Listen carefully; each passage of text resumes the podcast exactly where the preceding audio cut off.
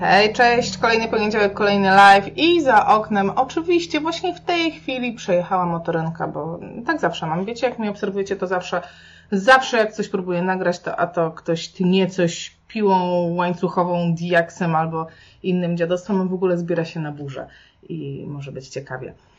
Cześć wszystkim! Bardzo miło mi Was gościć po raz kolejny. Dzisiaj mamy bardzo, bardzo dużo materiału do przerobienia i bardzo dużo mam Wam do powiedzenia i bardzo dużo ważnych rzeczy, także będę pędzić, będę się streszczać.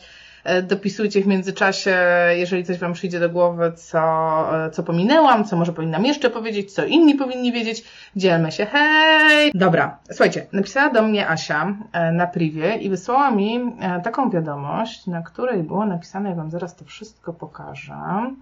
E, Asia, co myślisz na temat tego materiału? Masa moich znajomych e, udostępnia to na swojej tablicy, już nie wiem co myśleć.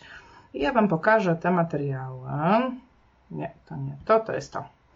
Zobaczcie, to jest, to są materiały na temat udaru mózgu e, i taki news, że jakiś chiński naukowiec opracował metodę, która w jakiś sposób ratuje ludzi po udarze mózgu, niezależnie od tego, co im się tam dzieje. E, I czytamy tutaj, e, w ogóle już pierwsze zdania są bardzo ciekawe, e, ponieważ jest twierdzenie w pierwszym zdaniu, iż udar mózgu jest to choroba, która powoduje, że naczynia mózgowe zaczynają stopniowo pękać. Hmm. Okej. Okay. Już pierwsze zdanie powinno wykluczyć wszystkich użytkowników, którzy cokolwiek wiedzą na temat udaru, cokolwiek wiedzą na temat fizjoterapii czy medycyny, ale zobaczcie, liczba udostępnień 61 tysięcy, 61 tysięcy osób e, udostępniło to coś na swojej tablicy. E, to przekonało mnie do tego, że słuchajcie, nie możemy być obojętni. Nie możemy przychodzić obojętnie koło takich rzeczy, które e, ktoś napisał i które mogą tak po prostu, no kurde, uśmiercić kogoś, no nie oszukujmy się. I co tutaj jest napisane? Jeżeli widzisz, że ktoś ma e, udar mózgu, jak należy postępować? Najważniejsze, nigdy nie przenoś osoby z udarem mózgu w inne miejsce, niezależnie od tego, gdzie się znajduje. Więc wynika z tego, że jeśli moja, y, nie wiem, ciocia, babcia, stryjek, wujenka dostała udaru mózgu i nie wiem, leży y, w deszczu, czy wywróciła się w rzece, czy y, nie wiem, wpadła pod łóżko, to absolutnie nie wolno mnie z tego y, podłóżka wyciągać, bo coś się stanie, nie wiem co, pęknie jeszcze więcej naczynek. Ale okej. Okay. Ale nie będę się tym przejmować, bo przecież biegam po domu w poszukiwaniu igieł, które zaczynam nerwowo opalać, na przykład nad zapalniczką, bądź szukać wody utlenionej albo czystej wódki. E, jak już znajdę to w swoim domu, to mam nakłuć igłą wierzchołki wszystkich dziesięciu palców u rąk. Wszystko. Więc teraz po prostu leży ta osoba po udarze, a ja normalnie jak ten świr nakłuwam jej wszystkie palce. Dobra, i nakłuwam tak głęboko, aż pojawi się krew. Super. Upewnij się, że krew pojawiła się na każdym palcu, e, bo jak na, pojawi się na dziewięciu, a na dziesiątym nie, to pewnie metoda nie zadziała a jeśli kropla krwi nie pojawi się, naciśnij palec tak, aż się jednak pojawi. Gdy wypłynie, zobaczysz, że chory wraca do życia. Słuchajcie, to jest naprawdę napisane 61 tysięcy udostępnień.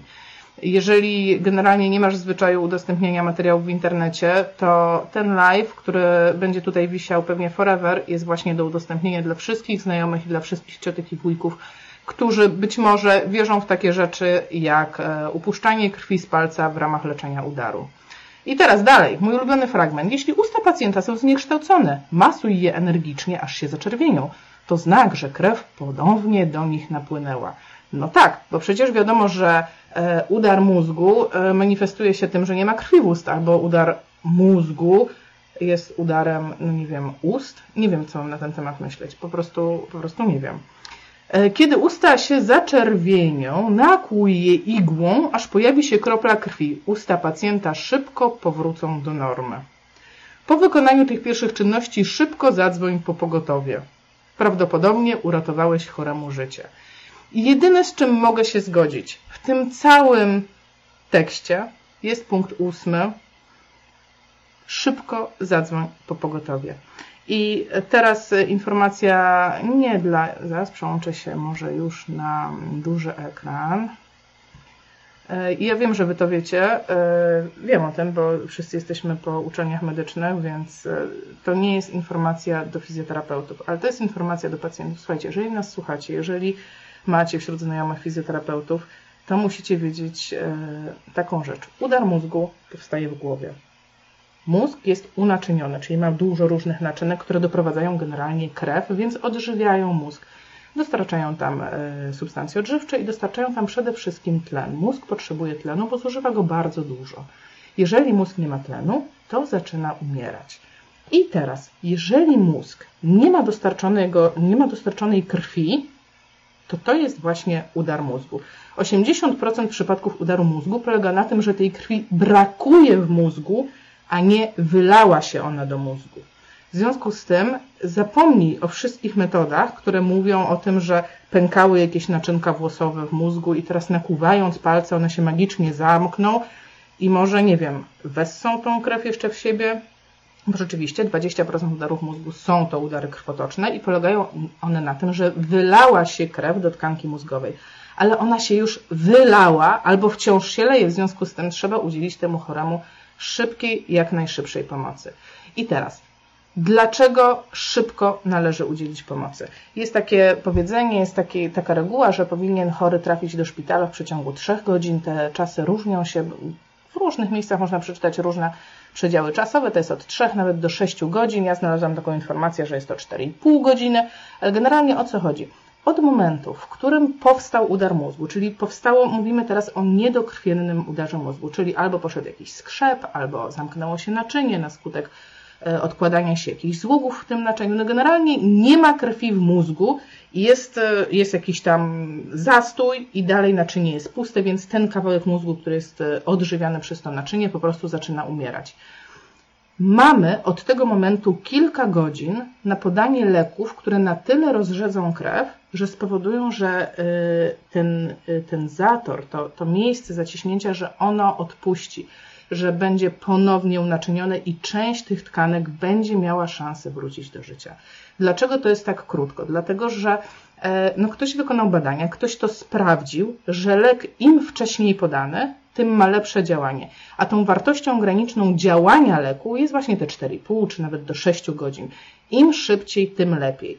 Ale teraz nie myślcie sobie, że to jest tak po prostu hop siup, że zadzwonimy po pogotowie, ziu i oni natychmiast podadzą lek. Nie, nie, nie, bo e, nikt, ani my, ani e, żaden człowiek udzielający pomocy, ratownik czy lekarz, nawet nikt nie jest w stanie spojrzeć w oczy temu pacjentowi i powiedzieć, hmm, ty to masz bach, udar niedokrwienny, a ty to masz bach krwotoczny. Nie, oni muszą to sprawdzić. Czyli pacjent, który przyjeżdża na ostry na izbę przyjęć, on musi zostać zbadany i musi zostać zbadany e, jakimś badaniem obrazowym, czyli musi pojechać, e, nie wiem, na tomografię, na rezonans, musi być prześwietlony mózg, żeby było wiadomo, co się w tym mózgu zadziało.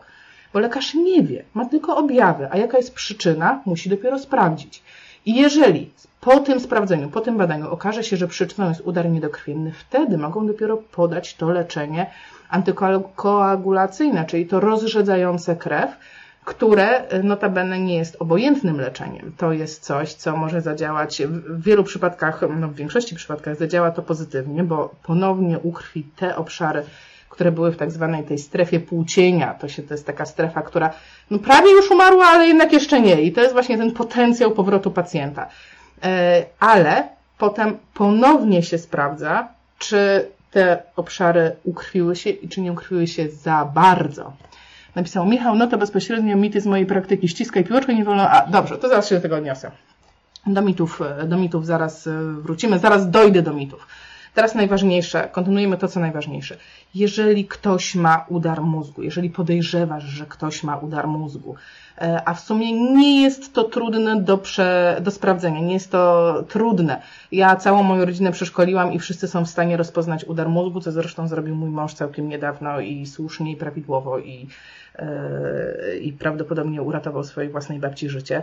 E, to nie jest trudne ponieważ mamy takie objawy jak opadanie jednego kącika ust, jak niewyraźną mowę, jak osłabienie jednej połowy ciała, jak trudności z utrzymaniem równowagi, może to być gwałtowny ból głowy, może to być splątanie, naprawdę te objawy nie są trudne i można je znaleźć w każdym e, po prostu źródle mówiącym e, o udarze mózgu. Ja dzisiaj sobie wpisywałam, żeby zobaczyć mniej więcej jak to wygląda na Google'ach. W ogóle no problem, wpisujesz o udar mózgu, objawy i wszystko wyskakuje.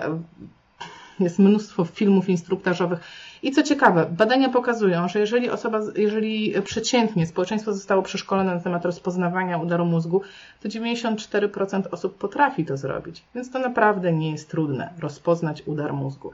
Ale jak już go rozpoznamy, to po prostu w te pędy natychmiast trzeba dzwonić po pogotowie. Natychmiast. Nie myśleć, nie kombinować, y, nie cudować, bo sąsiadowi przeszło. I to jest w ogóle najczęstsza odpowiedź, opowieść, jaką, z jaką się spotykamy. No przecież sąsiad też ma, miał, odjęło mu rękę i wróciło. Albo nie wiem, ja tak miałem, no przecież no ta ręka była niesprawna, parę godzin i wróciła.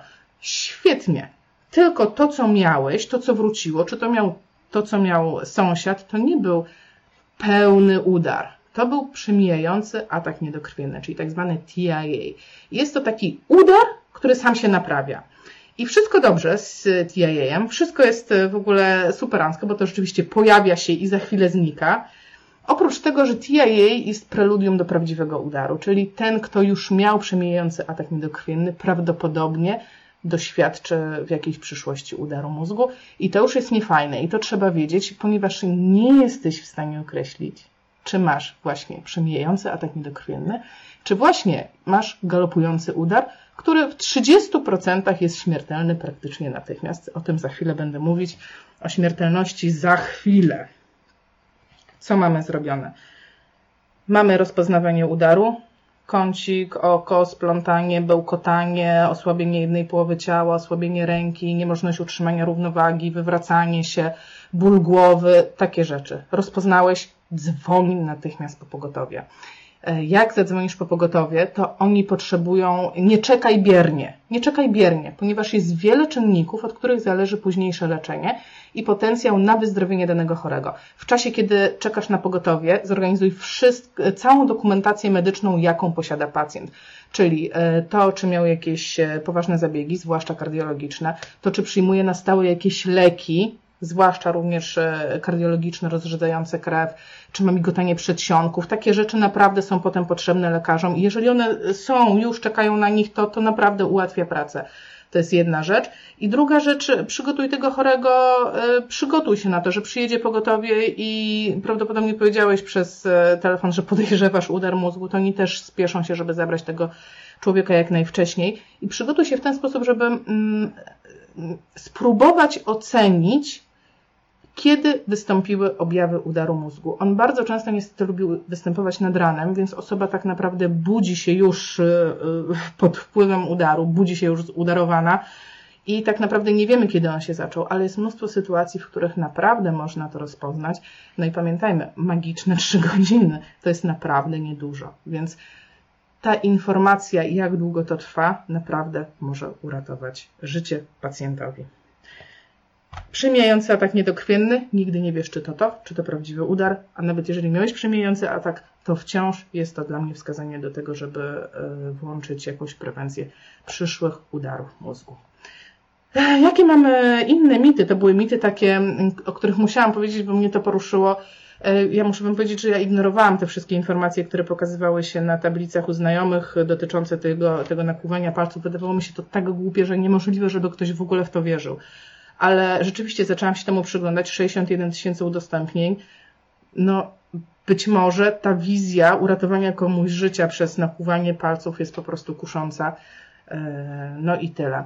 E, w tym temacie zrobiłam dla Was infografikę, którą wrzucę, słuchajcie, ją wrzucę później na, e, ja ją wrzucę później do komentarzy, żebyście mogli sobie ściągnąć, bo mm, mm, tak, e, tak sobie myślę, że nie wystarczy coś skrytykować, trzeba dać coś w zamian. Ja Wam wrzucę tą grafikę do komentarzy, można sobie ją będzie ściągnąć i zachować na dysku. Jak zobaczycie gdzieś ten materiał o nakłuwaniu palców, to bach im po prostu infografikę, niech przemyślą sytuację, że udostępniając coś takiego, mogą tak naprawdę po prostu uśmiercić człowieka, bo nie udzielą mu pomocy wtedy, kiedy potrzeba.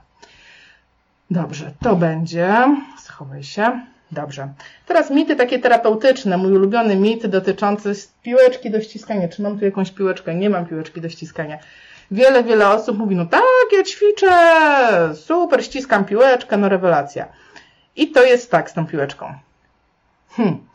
Jak jest dobrze, to jest dobrze. Czyli jeżeli ktoś ma super prognozy, wraca mu ręka samodzielnie, rusza ją we wszystkie strony, ma zachowane luchy selektywne, wszystko jest dobrze, to on sobie może robić tak naprawdę co chce. Ale prawda jest taka, że tych pacjentów jest mniejszość. Większość pacjentów albo ma trudności w ogóle z powrotem funkcji ręki, albo jeżeli ona wraca, to wraca na zasadzie e, możliwości ściśnięcia ręki, ale trudności z rozluźnieniem. I teraz co robi piłeczka? Piłeczka daje takie fantastyczne poczucie, że ręka może na czymś się zacisnąć. Receptory, które są w zginaczach, mówią: O, jest coś miękkiego, fajnego, ścisnę to, i zaczynają budować napięcie. I jak budują to napięcie, to piłeczka nie ma takiej e, sprężystości, żeby oddać to napięcie i żeby palce mogły się rozluźnić. Więc bardzo często kończy się na tym, że po prostu ręka jest zaciśnięta. A tego, czego my nie lubimy jako terapeuci, to nie lubimy rąk ani żadnych tak naprawdę członków, żadnych kończyn, które są ufiksowane w jednej pozycji. Więc większość terapeutów, i ja też należę do tej grupy terapeutów, odradza stosowanie piłeczek a już zwłaszcza odradza stosowanie piłeczek, które mają e, mnóstwo kolców e, i te kolce tak pięknie stymulują jeszcze te zginacze, żeby one się jeszcze zacisnęły i jeszcze i jeszcze. I teraz pomyślmy, jaki jest najczęstszy problem osoby po udarze. To jest taka ręka pozaciskana, która e, potem nie może się otworzyć. Więc tą terapią, którą będziemy potrzebowali, jeśli chodzi o rękę, to po pierwsze zachowanie ruchomości, pełnej, biernej ruchomości ręki, to to jest to, co jest ważne i stymulacja, ale we właściwy sposób, właściwe bodźce, takie, które nie będą pozwalały fiksować się palcom na, e, na danym przedmiocie. E, jest kolejna cała kwestia e, rozpoznawalności przez układ nerwowy tych bodźców. Jeżeli dajemy piłeczkę babci, która ma 80 lat i która tej piłeczki nigdy w życiu na oczy nie widziała, to jej układ nerwowy prawdopodobnie będzie miał problemy z przetworzeniem tego, po co ona ją w ogóle trzyma. E, ale to jest już cały temat, możemy sobie kiedyś całego live'a poświęcić tylko i wyłącznie ręce. E, ja odradzam stosowanie piłeczek i na tym zamknę temat. Kolejny mit, że tylko osoby starsze mają udary. I rzeczywiście statystyki mówią, że w Polsce większość udarów występuje powyżej 70 roku życia, ale fakt jest taki, że coraz więcej młodych osób trafia na oddziały właśnie z udarem. I muszę Wam powiedzieć, e, i to już nie są moje statystyki, znaczy to nie są statystyki, które znalazłam gdzieś, gdzieś e, w badaniach, to, to jest po prostu moje doświadczenie z oddziału, że pojawia się coraz więcej młodych ludzi i to są młodzi ludzie, tacy, młodzi nie bym powiedziała, tacy, którzy są bardzo dobrze e, zorganizowani w życiu, tacy, którzy bardzo dużo robili w życiu, tacy, którzy e, mieli wiele obowiązków jednocześnie, albo e, przeszli jakieś gwałtowne przemiany, nie wiem, schudli, zaczęli uprawiać sport, coś zaczęło się dziać, takiego super druper w ich życiu i wtedy z jakichś powodów ten układ nie wytrzymuje i rzeczywiście było parę takich osób, które dostawały udary i tych młodych udarowców również jest sporo. I to musimy pamiętać o tym, że y, nawet jeżeli młoda osoba zaczyna się dziwnie zachowywać, jest taka potencjalnie możliwość, że ma udar. E, dalej, kolejny mit, że udar ma się tylko raz. No fajnie by było, niestety tak nie jest. E, co więcej, pierwszy udar jest preludium do następnego udaru im więcej udarów, tym zwiększa się prawdopodobieństwo kolejnego udaru i generalnie udar goni udar i niestety tak to właśnie wygląda. E, być może dlatego, że jest wiele czynników ryzyka, które mm, zwiększają prawdopodobieństwo udaru i te czynniki ryzyka magicznie nie znikają po pierwszym udarze, a prawdopodobnie jeszcze bardziej się nasilają. Mamy ściskanie, mamy tylko raz, mamy młodych, a kolejny mit taki terapeutyczny, e, że z osobą po udarze, ja wiem, że lekarze bardzo mocno na to cisną, że z osobą po udarze trzeba jak najszybciej zacząć chodzić i że liczy się ilość metrów, konkret, czas, ponieważ ma wyjść po udarze na własnych nogach. I wszystko się zgadza. Fajnie by było, jakby każdy pacjent wychodził na własnych nogach po udarze, ale ja już o tym też wielokrotnie mówiłam, że e, ważny jest efekt całościowe. I ważne jest przygotowanie całego organizmu do funkcji chodu, która jest funkcją niesłychanie skomplikowaną, bo jest w pozycji wysokiej, jest przeciwko sile grawitacji i jest jeszcze e, w czasie chodu musimy regulować napięcie w ten sposób, że e, centrum cały czas mamy zbudowane, cały czas centrum działa mniej więcej na tym samym poziomie, ale kiedy robię krok, to jedna strona musi zbudować napięcie, ta strona podporowa musi zbudować większe napięcie, a druga strona, ta, która będzie przenoszoną nogą, musi obniżyć to napięcie, żeby ten ruch płynny, reaktywny. Ruch przenoszenia nogi nie jest funkcją aktywną, to jest odpowiedź tylko na sytuację mechaniczną, która się zadziała e, w nogach. I to na poziomie neuronalnym jest niesamowicie trudne do skoordynowania i trzeba pozwolić pacjentowi powoli zbudować sobie te funkcje, po to, żeby potem połączył je do, do kupy i zaczął jak najlepiej dla swoich możliwości chodzić. E, ile już gadam? 20 minut, 20 minut, jeszcze 4 e, to wyjdzie 3 razy 8, 24. Słuchajcie, to e, już w tym czasie, kiedy gadam, to dwie osoby w Polsce dostały udaru. W Polsce co 8 minut osoba dostaje udar, także naprawdę jest o czym mówić i jest kogo leczyć, tak? No bo w większości, jak tutaj przyszliście, jesteście terapeutami. Ja też jestem terapeutką i zajmuję się udarami mózgu, zajmuję się neurologią i czasami zastanawiam się, zastanawiam się, e, robiłam takie na potrzeby naszego dzisiejszego spotkania, e, myślałam na tym, dlaczego tak trudno znaleźć terapeutów, którzy chcą się zajmować udarami, zwłaszcza udarami przewlekłymi, dlaczego denerwujemy się czasami, jak przychodzą pacjenci, z którymi sobie nie radzimy. I twarde dane dały mi odpowiedź. Słuchajcie, statystyki w Polsce. To jest wszystko, co Wam powiem, dotyczy Polski. W pierwszym miesiącu po udarze jedna trzecia pacjentów po prostu tego nie przeżyje. 30% pacjentów na dzień dobry w pierwszym miesiącu pożegna się z życiem. I to jest smutna rzeczywistość. Ci, którzy zostaną, w dużej mierze jedna trzecia tych, którzy zostali, to ta szara jedna trzecia, nie przeżyje pierwszego roku. Słuchajcie, w czasie pierwszego roku, o, tu, tu będzie widać, dobra. W czasie pierwszego roku umiera jedna trzecia pacjentów, którzy przeżyli na samym początku, którzy przeżyli pierwszy miesiąc.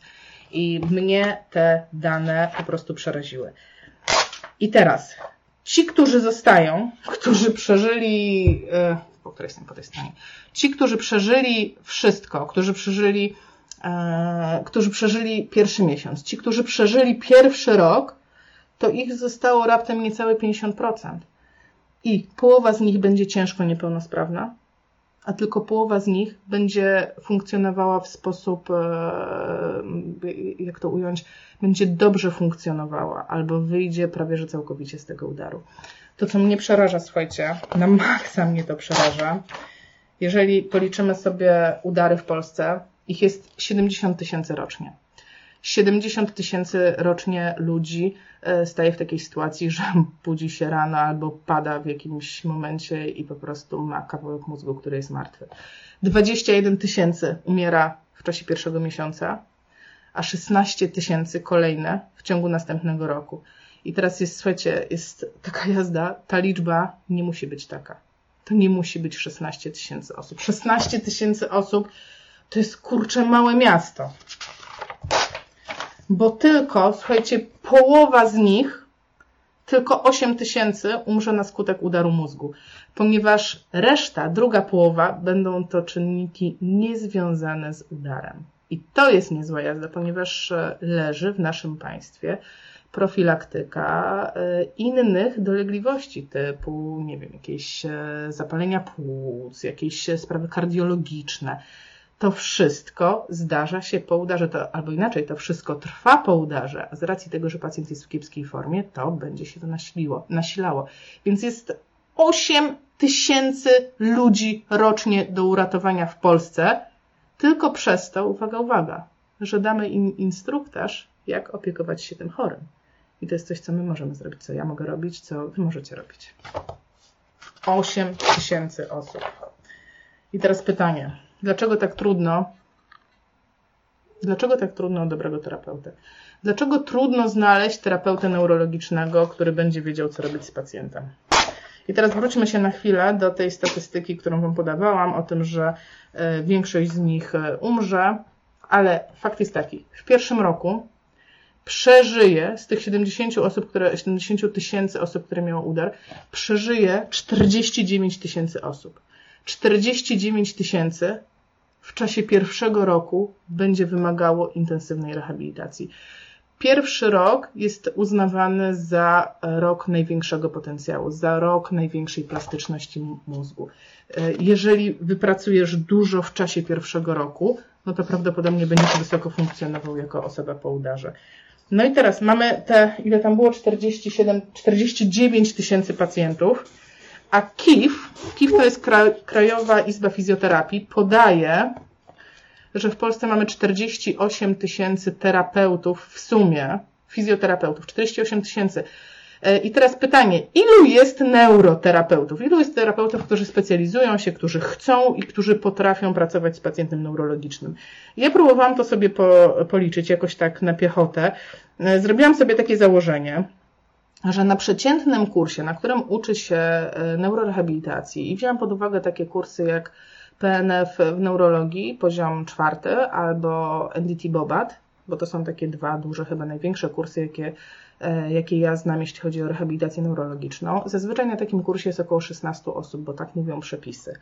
E, założyłam optymistycznie, że takich kursów na rok odbywa się 10 w Polsce i że te 10 kursów wykształci 160 terapeutów na rok. Takich neurożylety, tak?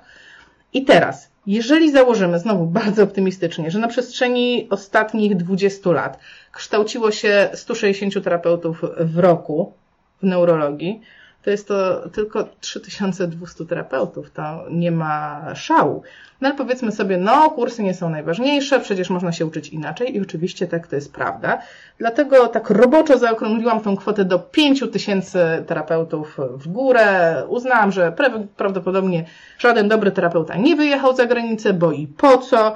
Więc mamy na 49 tysięcy chorych, którzy potrzebują naprawdę intensywnej specjalistycznej rehabilitacji, raptem pięciu terapeutów i przy dobrych wyliczeniach daje to na każdego terapeutę, każdego, 10 ostrych pacjentów dziennie. I to jest absolutnie y, po prostu nie do zrobienia. Po prostu nie mamy takiej liczby terapeutów. Nie mamy. Ale powiedzmy sobie tak, no już trudno, ten pierwszy rok minął, e, część pacjentów już nie ma z nami, więc zostało 33 tysiące osób. 33 tysiące osób, które będzie potrzebowało prawdopodobnie rehabilitacji do końca życia, bo tak to wygląda właśnie po udarze, że w mniejszym lub większym stopniu prawdopodobnie będziemy musieli e, wspomagać takie osoby w rehabilitacji, z czego połowa to są pacjenci ciężcy, ciężcy, czyli leżący na wózkach, wymagający przesiadania, wymagający pomocy w ubieraniu, prawdopodobnie nie chodzące, ale chodzą, albo chodzące tylko w warunkach terapeutycznych.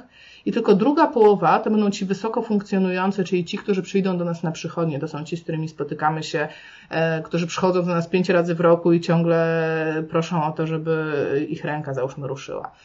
I znowu to jest 33 tysiące e, osób, które gdzieś funkcjonuje w Polsce, a terapeutów wykształconych nie ma po prostu aż tyle, żeby to wszystko ogarnąć. I czasami zadajecie mi pytania, y, w ogóle po co ja jestem w tym internecie, po co ja to wszystko robię. E, właśnie dlatego. Właśnie dlatego. Bo no to jest chyba najprostszy sposób, żeby zmienić coś, e, żeby zmienić coś w Polsce, żeby zmienić coś wśród pacjentów, żeby wywindować nas jako terapeutów, e, jako specjalistów w skali światowej. I to jest, słuchajcie, do zrobienia. Jeżeli oglądacie mnie, jeżeli w tej chwili patrzysz na mnie, jeżeli bywasz na moich live'ach, jeżeli oglądasz moje filmy albo natrafiłeś na jakiś mój artykuł i mm, zagrała ci w sercu taka nutka, kurde, ta neurologia jest może fajna. Chyba, chyba to czuję. E, to znaczy, to znaczy, że masz tą, masz tą nutę w sobie, że też po prostu, że możesz być taki jak ja. Bo tak to jest w życiu, że jeżeli fascynują nas rzeczy, nawet jeżeli, które, które w pierwszym momencie wydają się, nie, ja tego nie ogarnę, w życiu tego nie zrobię, ale jeżeli fascynuje Ci to, jeżeli podoba Ci się, jeżeli imponuje Ci to, to znaczy, że już teraz masz to w sobie. I jedyne, co musisz zrobić, to po prostu nauczyć się to robić, bo to już w Tobie jest. I tak, to jesteśmy my. To jesteśmy my E, I po to jestem z Wami, po to robię te live'y i po to wstawiam filmy i po to e, teraz mm, przy współ, przy, przy współdziale, to nie współdziale, to dzięki e, chłopakom, którzy mi zaufali, mogę dla Was organizować szkolenia, mogę dla Was, może, mogę się z Wami spotykać live i dzielić się tą wiedzą naprawdę, naprawdę solidnie. Jesteśmy w stanie to zrobić. Ja w to wierzę. Mm, I teraz przy okazji chciałam Wam powiedzieć e, taką rzecz, że wiedza nie musi dużo kosztować. Dużo wiedzy można znaleźć za darmo, dużo wiedzy chociażby u mnie możecie znaleźć na YouTubie. E, dużo wiedzy pojawia się tutaj na live'ach. Wybierz to szkolenie, które przyniesie Ci jak najszybszy zwrot finansowy. Chodzi o to, żeby wszystkim było dobrze, czyli o to, żeby pacjenci byli zaopiekowani we właściwy sposób, ale też o to, żeby terapeuci godnie żyli. I tutaj muszę Wam powiedzieć, e, dostałam dwa tygodnie temu, czy trzy tygodnie temu fantastyczną wiadomość. Napisały do mnie dziewczyny, które były u mnie na e, kursie w Krakowie. Mówią, Aśka, udało nam się, poszliśmy, poszliśmy na, negoc e, na negocjacje do własnej dyrekcji, poszliśmy do ośrodka, każda z nas dostała po 370 zł podwyżki. I słuchajcie, to jest takie super budujące, ponieważ ten potencjał jest w nas. I e, będę ostatnią osobą, która będę, będzie Wam mówiła, że o, kasa nie jest ważna, ważna jest tylko idea, pomaganie. Tak, idea i pomaganie są ważne, ale nie wyżywią naszych rodzin i to jest taki problem z ideą. Więc chodzi o to, żeby kasa się zgadzała, ale żeby temu pacjentowi pomóc w sposób rzetelny, profesjonalny i przede wszystkim skuteczny, bo wtedy każdy wie za co płaci i każdy wie za co bierze pieniądze. I tak powinno być, tak ja to widzę, w uczciwym świecie. I e, kończę już, e, kończę już e, moje duże rozgadanie. Już czytam komentarze. Gdyby brat mojego wujka nie dotarł do szpitala, tylko wierzył w takie mądrości, nie wiem co by było. Dokładnie, Dawid. Jemu ewidentnie pomógł szpital, dziewięć nieobowiązkowe badania i kontakt z fizjoterapeutami. Świetnie, że ktoś mądry reaguje. Dziękuję. No to bezpośrednie mity z mojej praktyki. Ściskać piłeczkę? tak, totalnie. Nie wolno sadzać pacjenta za szybko. No, to jest, to jest mit, który pokutuje już bardzo, bardzo długo i muszę powiedzieć, że ja jak kończyłam studia, to tego się uczyłam, zwłaszcza jeśli chodzi o pacjentów e, po wylewach, pacjentów po udarach krwotocznych Wtedy było takie postępowanie, że te krwotoczne udary trzyma się dłużej w poziomie. W tej chwili nie ma już takich zaleceń. Niemniej, jeżeli mamy pacjenta po udarze krwotocznym, no jednak jesteśmy bardziej uważni. Na spokojnie obserwujemy go, e, żeby mówiąc tak bardzo brzydko, nie dolało. Aktyliza to konialny lek. E, mamy jeszcze nazwę Alteplaza. No, Dobrze, co my tam mamy? Strasznie lubię Cię słuchać, dzięki serdecznie, bardzo mi miło, a ja lubię do Was mówić, strasznie lubię do Was mówić. Zgadzam się, za mało oddziałów udarowych. Nie wiem, ile jest oddziałów udarowych w Polsce. Ja myślę, że to nie jest problem oddziałów udarowych, tylko ilości terapeutów i jakości i możliwości ich pracy na tych oddziałach. Bo ja powiem szczerze, nie dziwię się, że jest słaba jakość pracy na udziale udarowym. Jeżeli jest jeden terapeuta i nie wiem, 30 pacjentów, to ja się nie dziwię, że on ma problem i ja się nie dziwię, że weźmie tych, którym faktycznie może pomóc, którzy będą w jego ocenie mieli największy potencjał na powrót. Bo tak czy inaczej nie jest w stanie w cudzysłowie zrobić wszystkich. I to jest problem. Problem jest, jak nie wiadomo o co chodzi, to chodzi o pieniądze. Wiadomo, że najłatwiej oszczędzić na rehabilitacji. No bo kto by tam się zajmował jakimiś tam ćwiczeniami pacjentów? Gdzie reszta neuro? Bo przecież neurorehabilitacja to nie tylko udary. Dzięki Justyna, tak, słuszna uwaga. Oczywiście masz 100% racji. Akurat e, udar jest tak częstym schorzeniem, że warto o nim mówić. E, I przede wszystkim z tego powodu, że udar jest uszkodzeniem centralnego układu nerwowego. I bardzo wiele chorób również polega na uszkodzeniu centralnego układu nerwowego. W związku z tym, jeżeli rozumiesz mechanizmy, jakie, e, jakie powodują zachowania u pacjenta, jakie powodują jakieś schematy u pacjenta, umiesz e, poprowadzić terapię udarowca, to prawdopodobnie poradzisz sobie w 90% pozostałych przypadków. Ponieważ to, przynajmniej dla mnie, nie ma to żadnego znaczenia w terapii, czy przyczyną e, mojego uszkodzenia mózgu jest udar, czy na przykład guz w tym samym miejscu. Tam jest zniszczona tkanka mózgowa i wszystko jedno, co ją zniszczyło. Tak czy inaczej w rehabilitacji neurologicznej muszę być w kontakcie z lekarzem, tak czy inaczej muszę wiedzieć, y, jakie są przeciwwskazania i muszę być świadoma mm, tego, co robię, a sposób pracy jest sposobem pracy niezależnie od tego, czy on miał udar, czy miał guz, czy ma SM, czy ma, nie wiem, chorobę Devika. Ostatnio były, ostatnio w komentarzach pojawiło się, że o chorobie Devika powinnam powiedzieć. Jeżeli jesteście zainteresowani, to też mi to wpiszcie, to sobie wpiszę gdzieś na listę w przyszłych, w przyszłych wejściach. Mm, taką rzeczą, o której pewnie powiem któregoś razu, to będą urazy czaszkowo-mózgowe, bo to rzeczywiście jest troszeczkę y, inny, może nie inny schemat postępowania, bo jeżeli wiesz o co chodzi w neurologii, to i z urazem czaszkowym sobie poradzisz, ale to jest specyficzna jednostka chorobowa. A to panie kursach będę dobrym neuro, bo już się zapisałem na kurs. To to. Daj Boże. Taki mam zamiar. Jeżeli ktoś jest tutaj z nami, kto był u mnie na kursie, to niech tutaj napisze, czy, mm, czy czujecie, że wasz warsztat pracy polepszył się po kursie. Bo no ciężko mi samej to oceniać. Wiem, że dziewczyny, wiem, że grupa dziewczyn dostała podwyżkę po 370 zł. Wiem, że pisała do mnie y, jedna dziewczyna, że chyba, że chyba przestanie robić to, co y, to, co oglądała na kursie, ponieważ pacjenci przestają wracać, czyli są wyleczeni po jednym razie. Bolesne barki takiej dobrze szły mm, metodą, którą pokazywałam. W sensie, że neurofizjoterapeutów ze świecą szukać. Tak, neurofizjoterapeutów ze świecą szukać i dlatego tutaj, jak jesteśmy wszyscy razem, e, to ja mam takie poczucie, że, że Wam w duszy gra ta neurorehabilitacja i że po to tu jesteście, e, żeby łyknąć trochę wiedzy, e, którą ja się bardzo chętnie podzielę. I jeżeli, jeżeli ja Wam coś dam, i wy ten kawałek wiedzy przekażecie chociażby u siebie w pracy, a słuchajcie, nie wiem, ja to robię tak i pokażecie mobilizację stopy, którą przeszukaliście u mnie na YouTubie, to już ta wiedza się szerzy. Już e, z pięciu tysięcy terapeutów, których e, tam sobie wyliczyłam w Polsce, to już się robi 5500. A chodzi o to, żeby, nie wiem, połowa terapeutów chociażby, ale tak naprawdę każdy terapeuta powinien ogarniać, co robić z udarem w mniejszym, w większym stopniu, generalnie ogarniać zasady. No, dobrze. 39 minut mówię. E, to jest mój absolutny chyba rekord. 39 minut to już 4, e, za chwilę będzie 5 udarów w Polsce. Co 8 minut udar, przypominam. Dobrze, nagadałam się, nagadałam się. E, czy są jeszcze jakieś mity do obalenia, albo może macie jakieś pytania? Jeżeli macie jakieś pytania dotyczące tego, co pojawia się na poszczególnych szkoleniach, śmiało piszcie do mnie, odpisuję na wszystkie maile, które się pojawiają, odpowiadam na wszystkie pytania.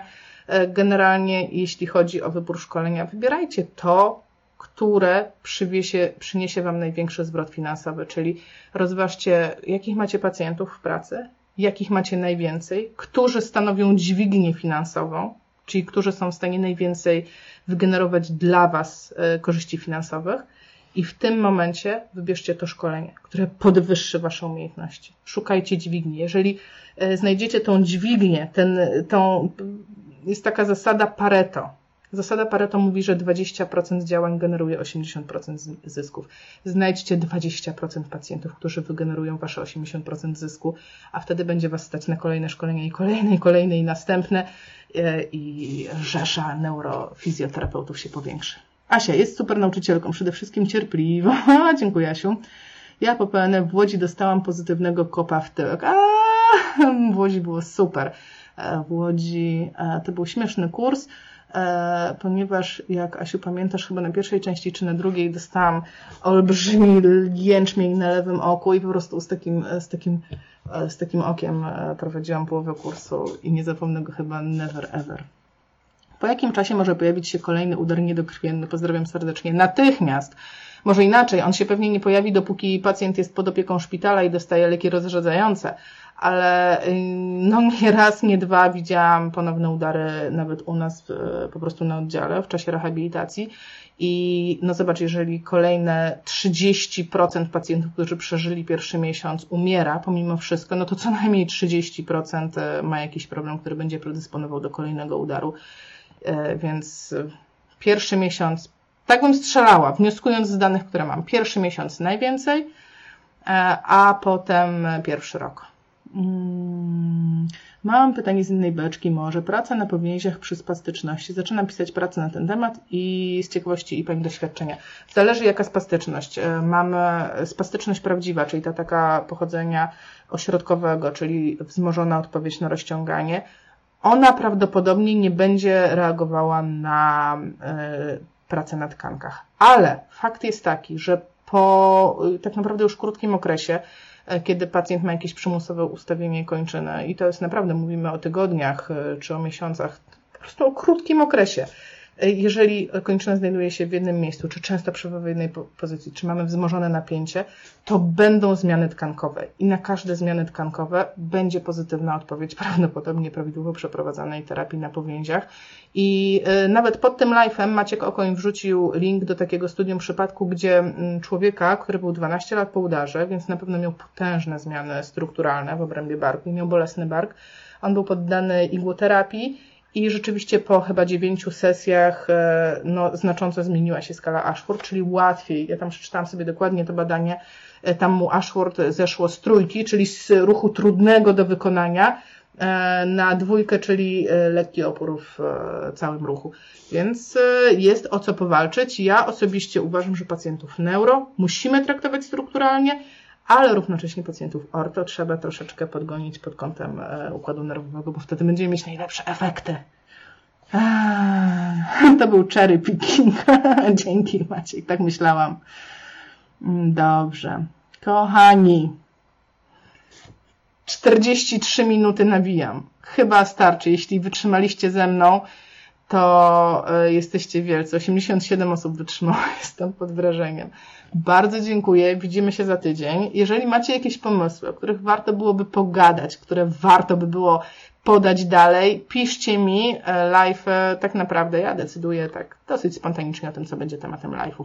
Jeżeli widzicie na tablicach u swoich znajomych jakieś bzdury dotyczące udarów, e, udostępnijcie, zaraz Wam rzucę w komentarze tą infografikę, którą zrobiłam, albo po prostu udostępnijcie im ten live, niech sobie obejrzą i niech zrozumieją, na czym polega udar, jak ważne jest po prostu podniesienie telefonu, wykręcenie, ile jest, 112 się u nas kręci, powiedzenie dzień dobry, podejrzewam, że mój dziadek ma udar. I tym optymistycznym akcentem mua, mua, mua, pozdrawiam i do przyszłego tygodnia. Cześć.